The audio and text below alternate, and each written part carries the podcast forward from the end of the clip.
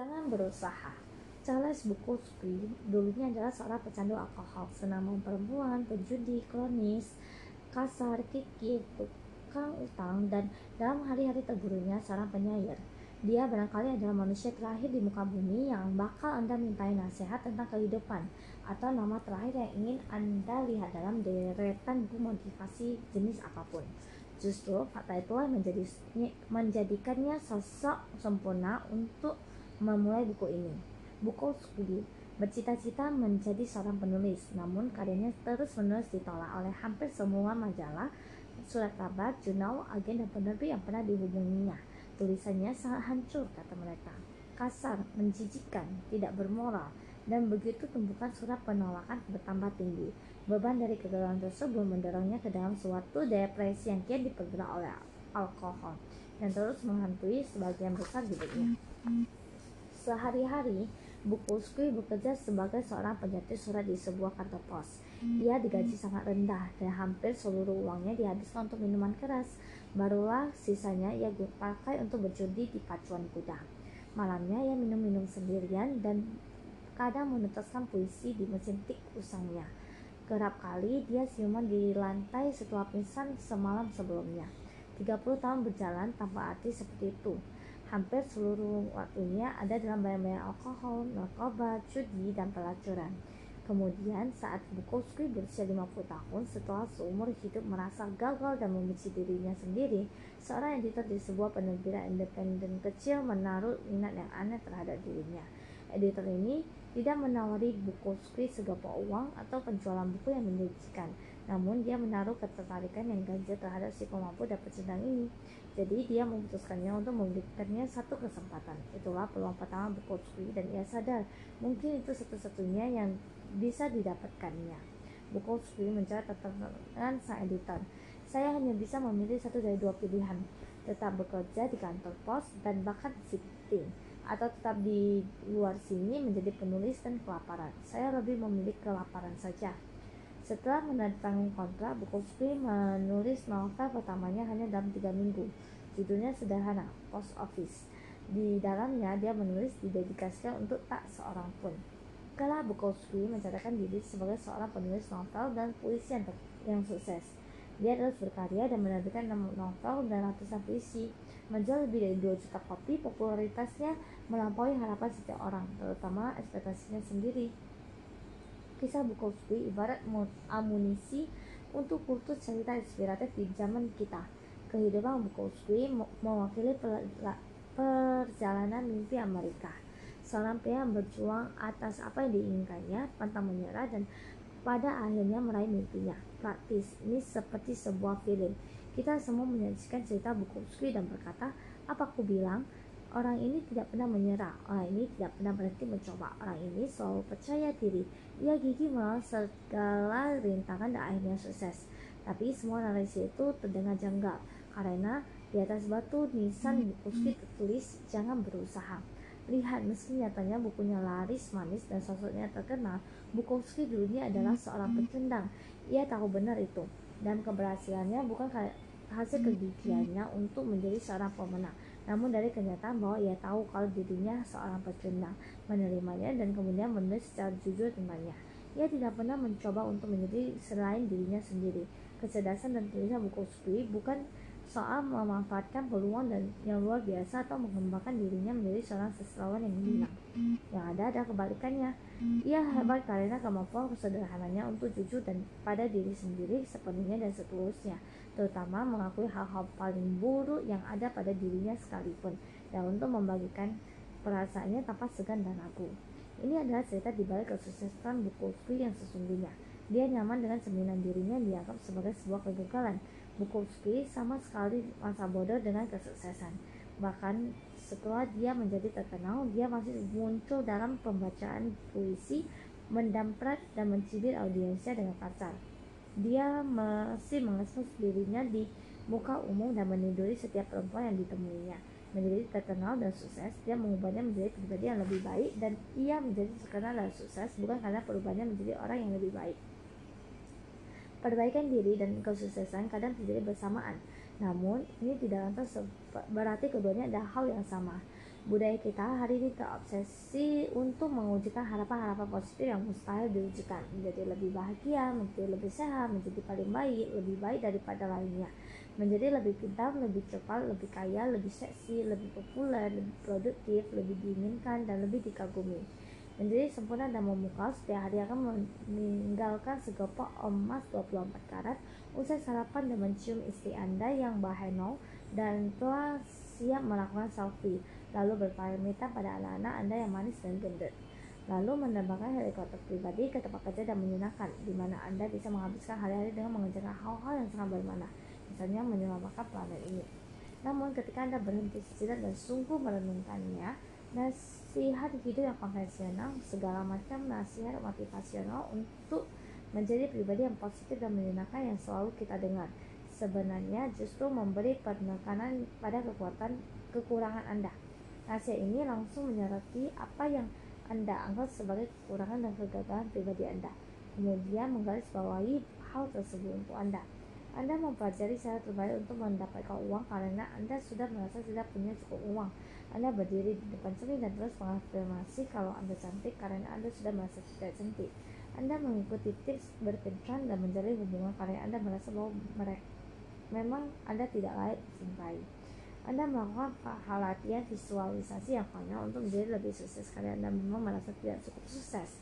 Ironisnya, pengalaman pemikiran yang pada hal-hal positif ini tentang apa yang lebih baik, apa yang lebih unggul hanya akan mengingatkan diri kita lagi dan lagi tentang kegagalan kita, kekurangan kita, apa yang seharusnya kita lakukan namun gagal kita wujudkan.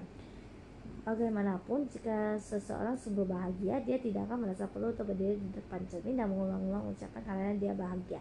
Dia bahagia, ya bahagia begitu saja. Ada sebuah ungkapan di Texas. Anjing paling mungil menggonggong paling keras. Seseorang percaya diri tidak akan pernah tidak akan merasa perlu untuk membuktikan kalau dirinya percaya diri. Seorang wanita yang kaya tidak merasa perlu untuk meyakinkan seseorang untuk kalaupun kalau dia kaya Entah Anda seperti itu atau tidak, dan jika Anda setiap saat memimpikan sesuatu, Anda sebenarnya sedang menguangkan realitas bawah sadar Anda lagi dan lagi bahwa Anda bukan itu. Setiap ikon TV yang diproduksi ingin agar Anda percaya bahwa kunci suatu kehidupan yang baik adalah pekerjaan yang lebih baik dan mobil yang lebih mewah atau pacar yang lebih cantik atau hot dengan kolam pompa untuk anak-anaknya.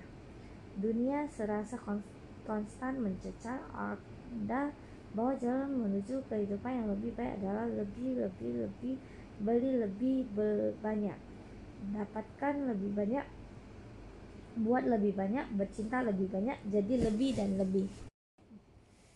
Anda secara konstan dibombardir dengan pesan untuk membeli apa saja kapan saja. Berpikir untuk membeli TV baru liburan ke destinasi yang lebih baik daripada rekan kerja Anda beli ornamen tanaman baru, taman baru Bahkan ada didorong untuk mempertimbangkan membeli tongsis iya. yang cocok. Mengapa dugaan saya? Karena membeli lebih banyak barang baik untuk bisnis. Dan walau memang tidak ada yang salah dari sisi bisnis, masalahnya justru mau menelitikan terlalu banyak hal akan berakibat buruk untuk kesehatan mental Anda. Ini membuat Anda menjadi terlalu terikat pada hal-hal yang dapat dan palsu. Anda membiarkan hidup Anda demi mengejar fata morgana kebahagiaan dan kepuasan. Kunci untuk kehidupan yang baik bukan tentang memenulikan lebih banyak hal, tapi dengan memenulikan hal yang sederhana saja. Hanya peduli tentang apa yang benar dan mendesak dan penting. Lingkaran setan ada sebuah keanehan mental yang membahayakan otak Anda dan jika dibiarkan dapat membuat Anda gila. Saya yakin hal tersebut berikut ini terdengar tidak asing di telinga Anda. Anda merasa cemas ketika harus menghadapi seseorang dalam kehidupan Anda. Kecemasan tersebut membuat Anda tidak berdaya dan mulai bertanya-tanya, mengapa Anda bisa begitu cemas? Sekarang Anda mulai cemas karena menjadi cemas. Oh tidak, kecemasan itu berlipat ganda. Sekarang Anda cemas tentang kecemasan Anda dan mau menyebabkan Anda lebih cemas. Cepat whisky, mana whisky? Atau katakanlah Anda bermasalah dengan pengendalian amarah. Anda gampang kesal terhadap hal paling bodoh yang tanpa tahu alasannya. Dan fakta bahwa Anda mudah sekali marah mulai membuat Anda semakin sering marah. Dan kemudian ketika mulai reda, Anda menyadari bahwa selalu marah-marah membuat Anda menjadi seorang yang berpikiran dangkal dan kejam. Dan Anda benci hal itu. Anda sangat membencinya sehingga Anda marah pada diri sendiri. Sekarang lihat diri Anda. Anda marah pada diri Anda yang marah-marah karena mudah marah. Ah, persetanlah mana dinding rasakan tinjuku. Atau Anda begitu khawatir, tidak bisa selalu melakukan hal dengan benar sehingga Anda menjadi khawatir tentang betapa besar kekhawatiran Anda atau Anda merasa begitu bersalah atas setiap kesalahan yang Anda buat sehingga Anda mulai merasa bersalah tentang betapa merasa bersalahnya Anda atau Anda sedih dan kesepian begitu sering sehingga membuat Anda bahkan lebih sedih dan kesepian hanya karena memikirkannya Selamat datang di lingkaran setan anda bisa mengalaminya beberapa kali atau lebih, mungkin sekarang atau sedang mengalaminya. Tuhan, saya berada dalam lingkaran setan, saya seorang pecundang karena mengalaminya. Saya harus berhenti. Oh Tuhan, saya merasa seperti seorang pecundang karena menyebut diri saya seorang pecundang. Saya harus berhenti memanggil diri saya seorang pecundang. Aduh, kurasa. Kenapa saya malah mengucapkannya lagi? Nah kan, saya sungguh pecundang. Ah, tenang kawan Percaya atau tidak, inilah uniknya menjadi manusia. Hanya sedikit binatang di bumi yang memiliki kemampuan untuk berpikir dan meyakinkan diri sebelum melakukan sesuatu. Dan kita sebagai manusia diberi keistimewaan untuk dapat berpikir tentang pikiran kita. Jadi saya dapat berpikir untuk menonton Miley Cyrus di YouTube. Kemudian mendadak memikirkan keinginan saya untuk menonton film Miley Cyrus di YouTube itu. Sungguh itulah keajaiban kesadaran. Sekarang di sinilah letak masalahnya.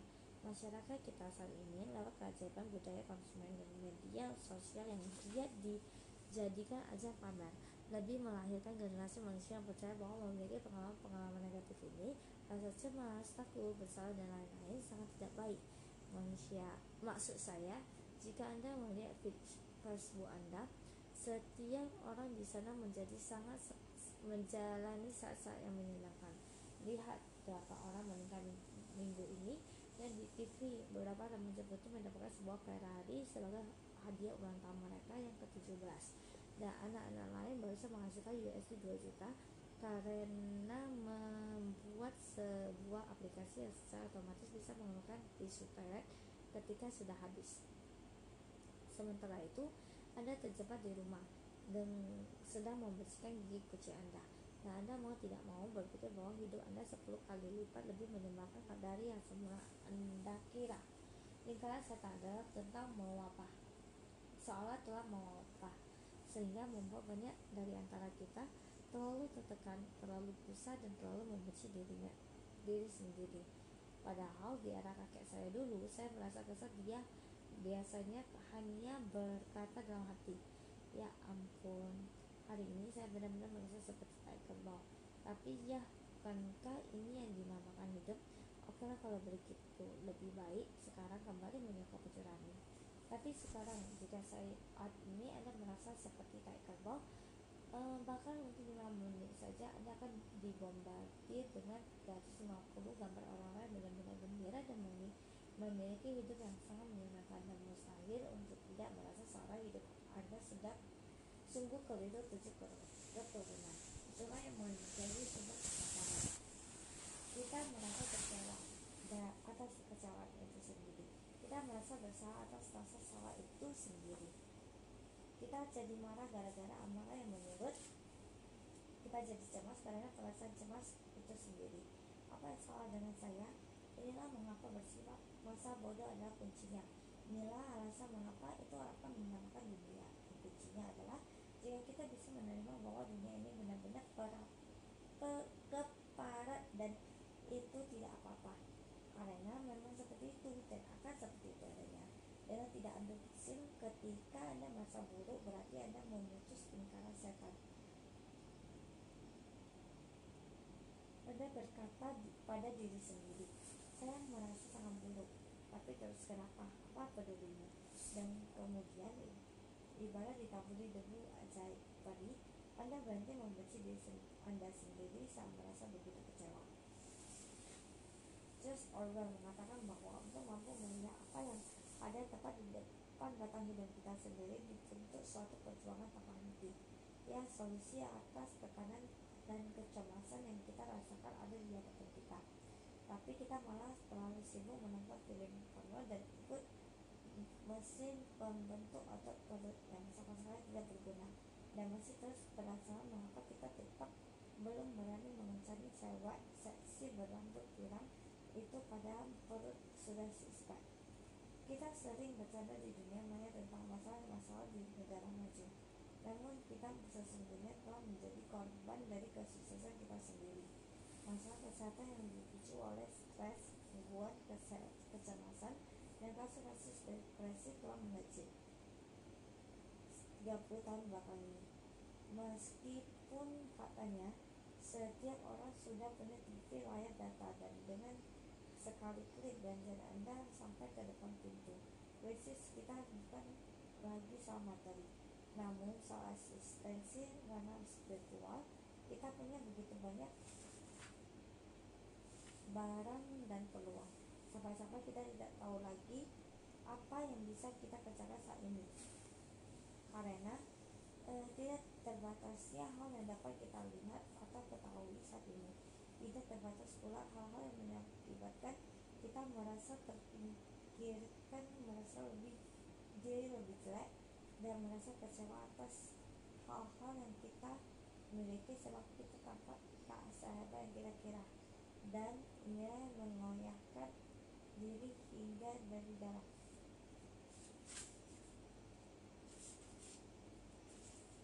Di sinilah letak kekeliruan semua postingan sampai berhubungan dengan bagaimana menjadi bahagia dan telah dibagikan bahkan juta kali di Facebook beberapa tahun belakang ini. Inilah hal yang tidak disadari oleh pun tentang semua nasihat sampah itu. Hasal untuk mengejar semakin banyak pengalaman positif sesungguhnya adalah sebuah pengalaman negatif. Sebaliknya, secara paradoksal, penerimaan seseorang terhadap merupakan sebuah pengalaman positif. Hasrat untuk mengejar semakin banyak pengalaman positif sesungguhnya adalah sebuah pengalaman negatif. Sebaliknya, secara paradoksal, penerimaan seseorang terhadap pengalaman negatif justru merupakan sebuah pengalaman positif. Pernyataan di atas terdengar terlalu jelimet di kepala. Jadi, saya akan memberi Anda waktu untuk meluruskan pemikiran Anda dan mungkin untuk membacanya sekali lagi. Menginginkan pengalaman positif adalah sebuah pengalaman negatif. Menerima pengalaman negatif adalah sebuah pengalaman positif. Inilah apa yang dulu pernah disebut oleh filsuf Alan Watts sebagai hukum kebalikan. Intinya adalah semakin kuat Anda berusaha merasa lebih baik setiap saat, Anda akan merasa semakin tidak puas merasa mengejar sesuatu hanya akan meneguhkan fakta bahwa pertama-tama Anda tidak baik. Semakin mati-matian Anda berusaha ingin kaya, Anda akan merasa semakin miskin dan tidak berharga. Terlepas dari seberapa besar penghasilan Anda sesungguhnya, Semakin mati-matian Anda ingin tampil seksi dan diinginkan, Anda akan memandang diri Anda semakin jelek terlepas dari seperti apa penampilan fisik Anda sesungguhnya. Semakin mati-matian Anda ingin bahagia dan dicintai, Anda akan menjadi semakin kesepian karena merasa ketakutan terlepas dari banyaknya orang yang berada di sekitar Anda. Semakin Anda berusaha mendapatkan pencerahan spiritual, Anda akan semakin tertelah oleh diri Anda sendiri dan menjadi semakin nakal untuk dapat mencapainya. Kurang lebih ini merupakan menyerupai pengalaman saya saat menjajal LSD semacam narkoba. Semakin saya melangkah mendekati rumah saya, rumah itu justru semakin menjauh dari saya. Dan ya benar, saya baru saja menggunakan halusinasi LSD untuk membuat sebuah penjelasan filosofi tentang kebahagiaan. Tidak masalah kan? Seperti yang dikatakan filsuf eksistensialisme Albert Camus dan saat saya cukup yakin dia tidak sedang dibawa pengaruh LSD saat itu. Anda tidak akan pernah bahagia jika Anda terus mencari apa yang terkandung di dalam kebahagiaan. Anda tidak akan pernah hidup jika terus mencari arti kehidupan. Atau dengan kata lain, jangan berusaha. Dan saya tahu apa yang akan Anda katakan. Ma, ini sungguh membuat saya gerah. Lalu bagaimana dengan tabungan saya yang saya rencanakan akan saya gunakan untuk membeli Camaro jenis mobil mewah Red. Bagaimana dengan upaya saya menahan lapar untuk mendapatkan tubuh bagus? Lagi pula saya telah membayar mahal untuk mesin pembentuk perut itu. Bagaimana dengan rumah besar di danau yang selalu saya impikan? Jika saya terhenti berhenti mengusahakan itu semua, maka saya tidak akan pernah meraih apa pun. Itu bukan yang saya harapkan kan? Saya senang Anda bertanya, pernahkah, pernah kan Anda memperhatikan bahwa kadang ketika Anda kurang memedulikan sesuatu, Anda justru mengajarkan hal itu dengan baik. Pernah kan memperhatikan bagaimana seringnya seseorang yang hanya iseng melakukan sesuatu malah sukses pada akhirnya? Pernah kan memperhatikan bagaimana kadang ketika Anda terlalu fokus pada sesuatu semuanya justru berantakan. Apa yang sebenarnya terjadi? Yang menarik tentang hukum kebalikan adalah ada alasan mengapa sesuatu tersebut terbalik, yaitu bersikap masa bodoh sesungguhnya menghasilkan sesuatu yang lebih besar. Jika mengejar hal yang positif ada hal yang negatif, mengejar hal yang negatif akan menghasilkan hal yang positif. Rasa capek yang Anda alami di gym buahkan kesehatan dan tenaga yang paripurna. Rentetan kegagalan dalam bisnis menuntun Anda pada pemahaman yang lebih baik tentang syarat-syarat sebuah kesuksesan. Menjadi terbuka pada hal-hal yang membuat Anda tidak nyaman secara paradoks, membuat Anda lebih percaya diri dan karismatis dibandingkan orang lain. Sakit apa akibat kejujuran menghasilkan rasa percaya dan hormat yang lebih besar dalam hubungan Anda dengan orang lain. Penderitaan dalam melewati rasa takut dan cemaslah yang membuat Anda mampu membangun keberanian dan ketekunan. Sungguh saya tidak meneruskan ini seharian, namun saya yakin Anda sudah tahu intinya. Semua hal yang bersikap positif dalam kehidupan dimenangkan lewat pengalaman berasosiasi negatif. Ketika setiap usaha untuk lari dari hal negatif untuk menghindar dan membatalkan atau membungkamnya hanya akan menjadi bumerang. Upaya untuk menghindari penderitaan adalah bentuk penderitaan. Upaya untuk menghindari susah payah adalah susah payah. Mengingkarkan terhadap kegagalan adalah kegagalan. Usaha untuk menyembunyikan rasa malu adalah bentuk rasa malu itu sendiri. Rasa sakit merupakan sebuah tenunan yang mengagumkan yang membentuk kain kehidupan dan merobek tenunan itu bukan saja mustahil dilakukan tapi juga akan merusaknya. Untuk usaha menghilangkannya akan melepaskan semua ikatan. Berusaha menghindari rasa sakit sama halnya dengan berurusan terus-menerus dengan rasa sakit itu sendiri. Kebalikannya, jika Anda tidak peduli alias bodoh amat terhadap rasa sakit itu, perjuangan Anda tak akan bisa dibendung. Dulunya dalam hidup saya, saya peduli akan banyak hal tapi saya juga bodoh amat terhadap banyak hal dan ternyata terbukti hal yang hal yang tak saya pedulikan itu justrulah yang membuat perbedaan. Anda pasti pernah mengenal seseorang di kehidupan Anda yang awalnya dia tidak punya minat terhadap sesuatu namun tiba-tiba menunjukkan suatu prestasi yang mengagumkan. Barangkali ada suatu masa di hidup Anda sendiri ketika Anda bersikap masa bodoh dan justru menaik posisi yang luar biasa. Dalam pengalaman saya, keluar dari pekerjaan kantoran di bidang keuangan setelah menjalankan bisnis internet selama enam minggu. Sungguh merupakan prestasi tertinggi dalam catatan Hall of Fame masa bodoh saya. Sama halnya dengan pengalaman saya menjual semua harta yang saya miliki lalu tidak ke Amerika Selatan. Apa saya bimbang? Tidak sama sekali saya pergi begitu saja dan akhirnya justru berhasil. Momen-momen masa bodoh ini merupakan kesempatan paling menentukan kehidupan kita. Perubahan besar dalam karir, pilihan spontan untuk drop out dari kuliah dan bergabung ke sebuah band Keputusan untuk pada akhirnya menciptakan pacar yang kebiasaannya stengka. Masa bodoh dan bodoh amat artinya memandang tanpa tantangan yang paling menakutkan dan sulit dalam kehidupan dan mampu mengambil suatu tindakan. Meskipun usaha untuk bersifat bodoh amat mungkin terlihat sederhana di permukaan, sebenarnya pada partinya Anda akan menemukan serangkaian betul baru semacam sebuah jangkut khas Meksiko.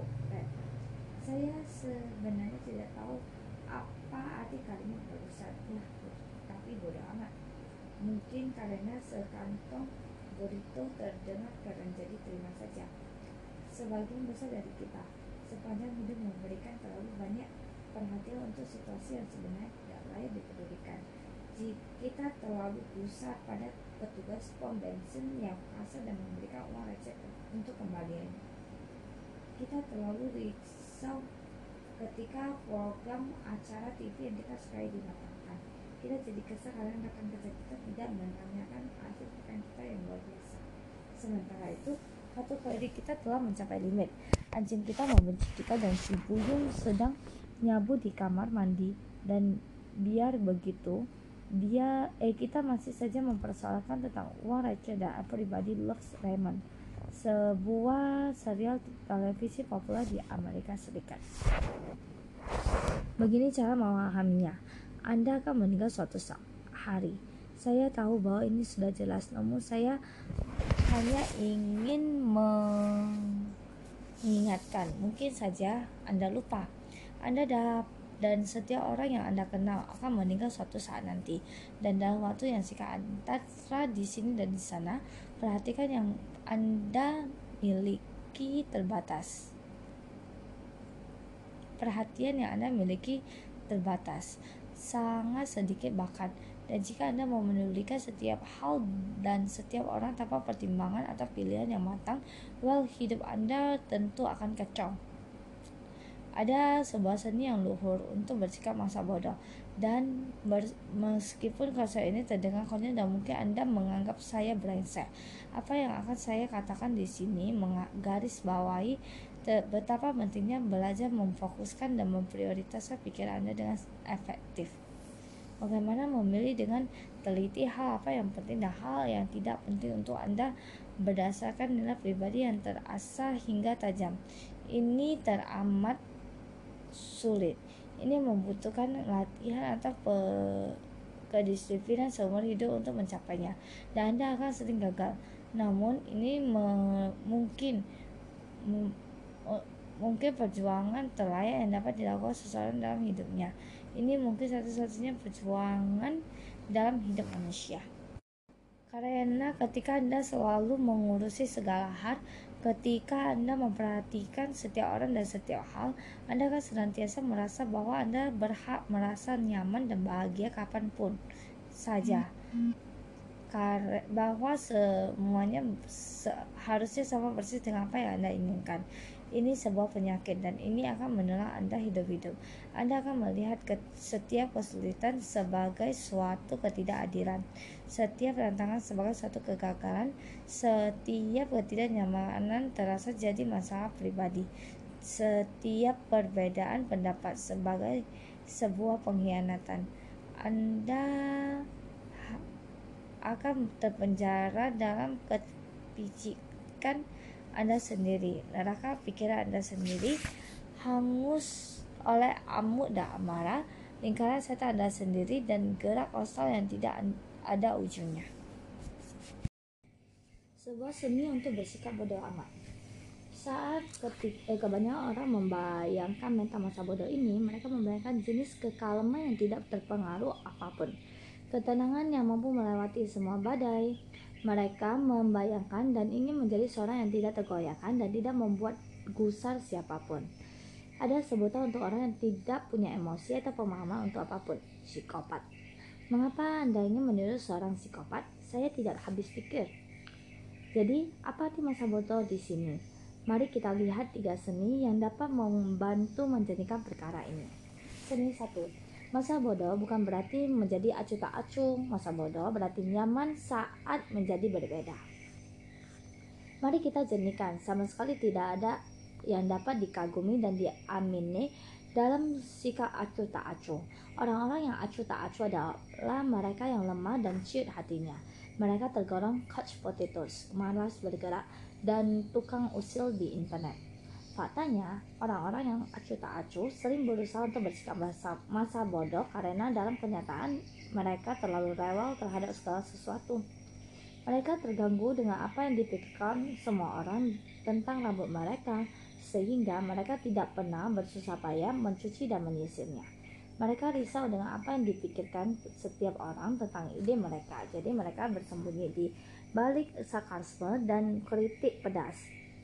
Mereka takut tidak membiarkan siapa pun mendekati mereka, sehingga mereka menampilkan sosok mereka menjadi manusia yang spesial, unik, dengan segudang masalah yang tidak mungkin dimengerti orang lain. Orang yang acuh tak acuh takut terhadap dunia dan gaung pilihan mereka sendiri. Itulah alasan mereka tidak sekalipun membuat pilihan yang berarti. Mereka bersembunyi di dalam liang kelabu tanpa emosi yang mereka gali sendiri, terserah oleh diri mereka sendiri dan mengasihani diri mereka sendiri terus-menerus mengalihkan perhatian mereka dari hal yang menuntut waktu dan energi mereka yang disebut kehidupan. Karena inilah fakta tentang kehidupan. Tidak pernah ada yang namanya masa bodoh. Anda pasti mau mendirikan sesuatu. Sisi biologis kita selalu peduli akan sesuatu dan karena itu kita akan menjadi selalu memendirikan sesuatu. Pertanyaannya, ketika eh kemudian adalah apa yang kita pedulikan, hal yang hal apa yang kita pilih, dan bagaimana caranya agar kita bersikap masa bodoh terhadap hal yang memang tidak ada mananya. Ibu saya bersaya ditipu teman dekatnya dan kehilangan uang dalam jumlah banyak. Jika saya acuh tak acuh, saya akan mengangkat bahu, menyeruput moka, dan mengunduh serial The Wire musim berikutnya. Maaf bu, tapi bukan itu yang saya lakukan. Saya geram, saya naik hitam, saya berkata, dasar keparot kurang ajar. Lihat saja bu, kita cari pengacara biar kepala itu merasakan akibatnya. Tahu mengapa? Karena saya sama sekali tidak peduli. Saya akan hancurkan sekalian hidup laki-laki itu jika memang perlu. Ilustrasi tersebut menggambarkan ketajaman pertama dalam seni bersikap bodoh masa bodoh ini.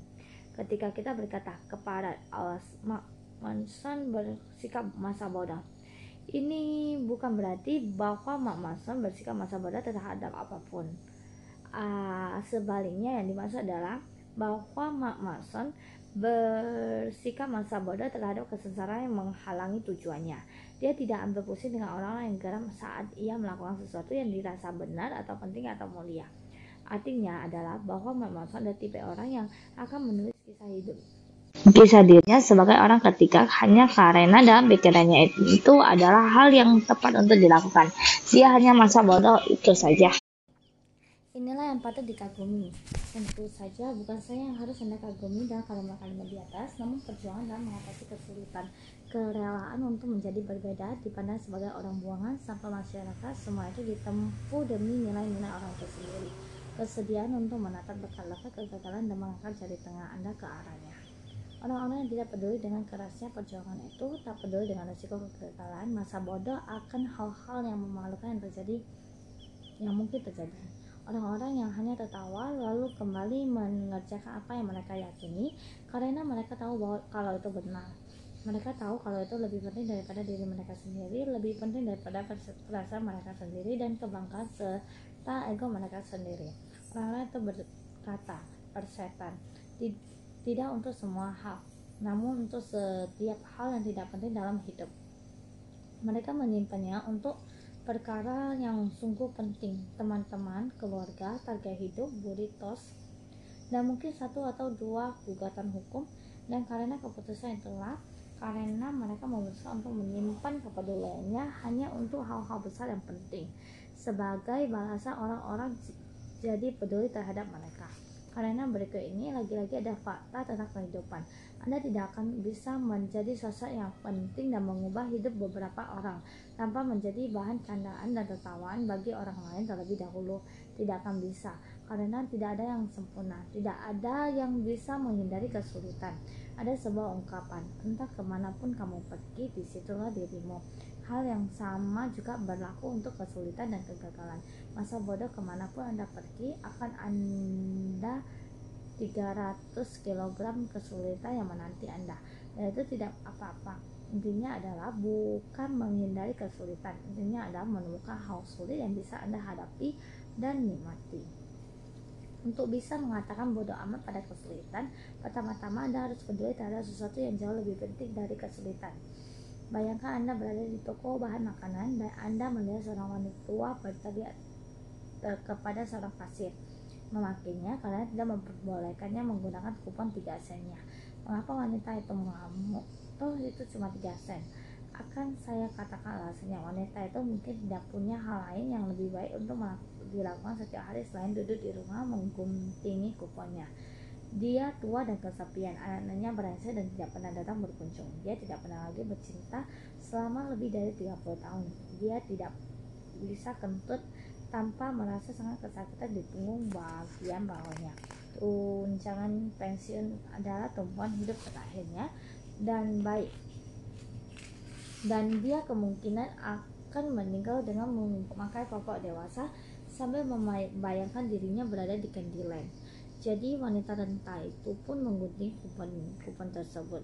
Hanya itu yang dimilikinya, dirinya dan kupon kepalanya. Hanya itu yang penting baginya karena tidak ada hal lain yang bisa ia pedulikan.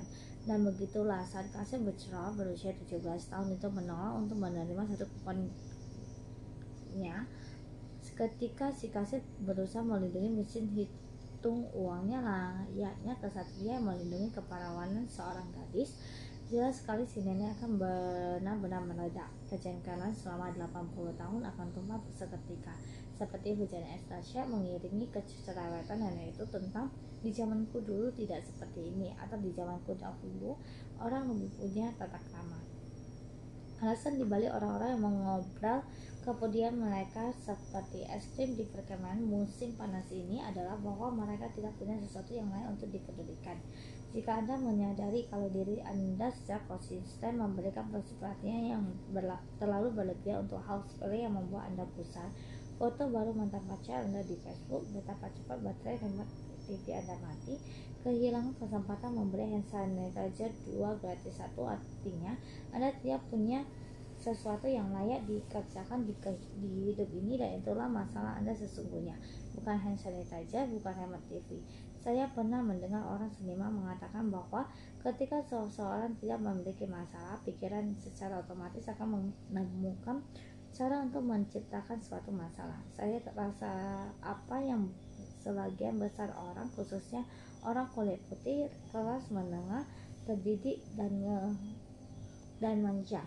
Anggap sebagai masalah hidup sesungguhnya hanya efek samping dari tidak ada sesuatu yang lebih penting untuk dipedulikan. Jadi menemukan sesuatu yang penting dan bermakna dalam kehidupan anda mungkin menjadi cara yang paling produktif untuk memanfaatkan waktu dan tenaga anda karena jika anda tidak menemukan sesuatu yang penuh arti perhatian anda akan tercurah untuk hal-hal yang tanpa makna dan sembrono seni tiga entah anda sadari atau tidak anda selalu memilih suatu hal yang diperhatikan Orang-orang tidak dilahirkan dalam keadaan tanpa kepedulian. Faktanya, dia kita dilahirkan untuk riset terhadap terlalu banyak hal.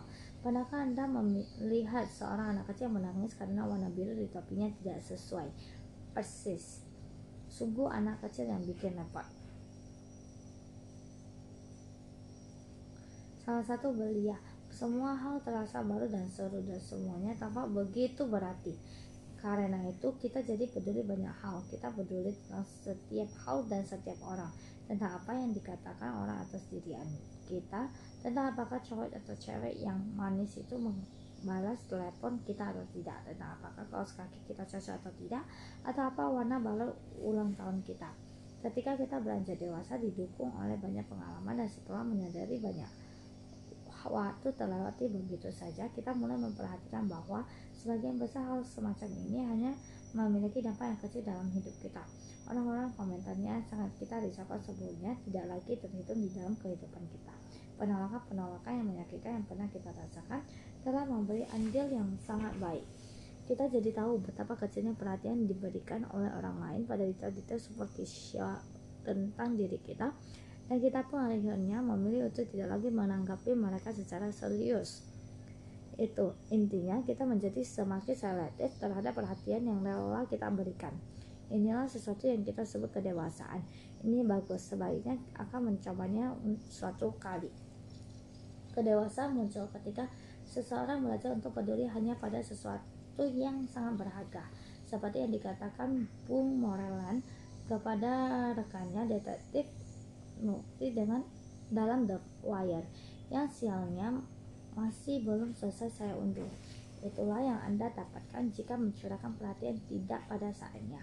Lalu seiring bertambahnya usia dan memasuki paruh baya, perubahan mulai lain mulai terjadi energi kita mulai turun identitas kita pun mulai menguat. Kita tahu siapa kita dan kita menerimanya sepenuhnya hati. Termasuk bagian-bagian yang sama sekali tidak membanggakan.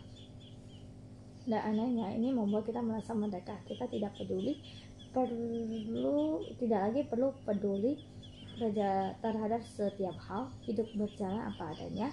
Kita menerimanya entah baik dan buruk kita menerima bahwa kita tidak akan pernah menyembuhkan kanker yang atau pergi ke bulan dan merasakan puting Jennifer Aniston. Dan itu tidak masalah. Hidup terus berjalan. Jadi sekarang ini kita bisa menunjukkan perhatian kita yang semakin berkurang untuk hal yang benar-benar layak dalam kehidupan kita keluarga kita teman-teman terbaik kita ayunan golf kita dan herannya hal-hal itu cukup membahagiakan. Penyederhanaan ini sesungguhnya membuat kita senantiasa merasa sangat bahagia dan kita mulai berpikir mungkin apa yang dikatakan buku squid pecandu alkohol yang gila itu memang benar adanya jangan berusaha jadi mak ngomong-ngomong apa inti buku ini? Buku ini adalah membantu Anda berpikir sedikit lebih jelas untuk memilih mana yang penting dalam kehidupan Anda dan mana yang sebaliknya. Saya yakin um, bahwa sekarang ini kita menghadapi suatu wabah psikologis yaitu ketika orang-orang tidak lagi menerima dengan tenang bahwa kadang-kadang ada hal yang tidak menyenangkan dalam hidup ini. Saya tahu ini terdengar kurang intelektual hanya di permukaan, tapi yakinlah masalah ini mengaku hidup atau mati. Karena saya saat kita percaya bahwa mengalami hal-hal yang tidak menyenangkan itu sangat memalukan secara tidak sadar kita mulai menyalahkan diri sendiri. Kita mulai merasa sepertinya ada sesuatu yang salah di dalam diri kita dan menggerakkan kita ke semua jenis kompensasi yang fatal. Seperti membeli 40 pasang sepatu atau mana enggak.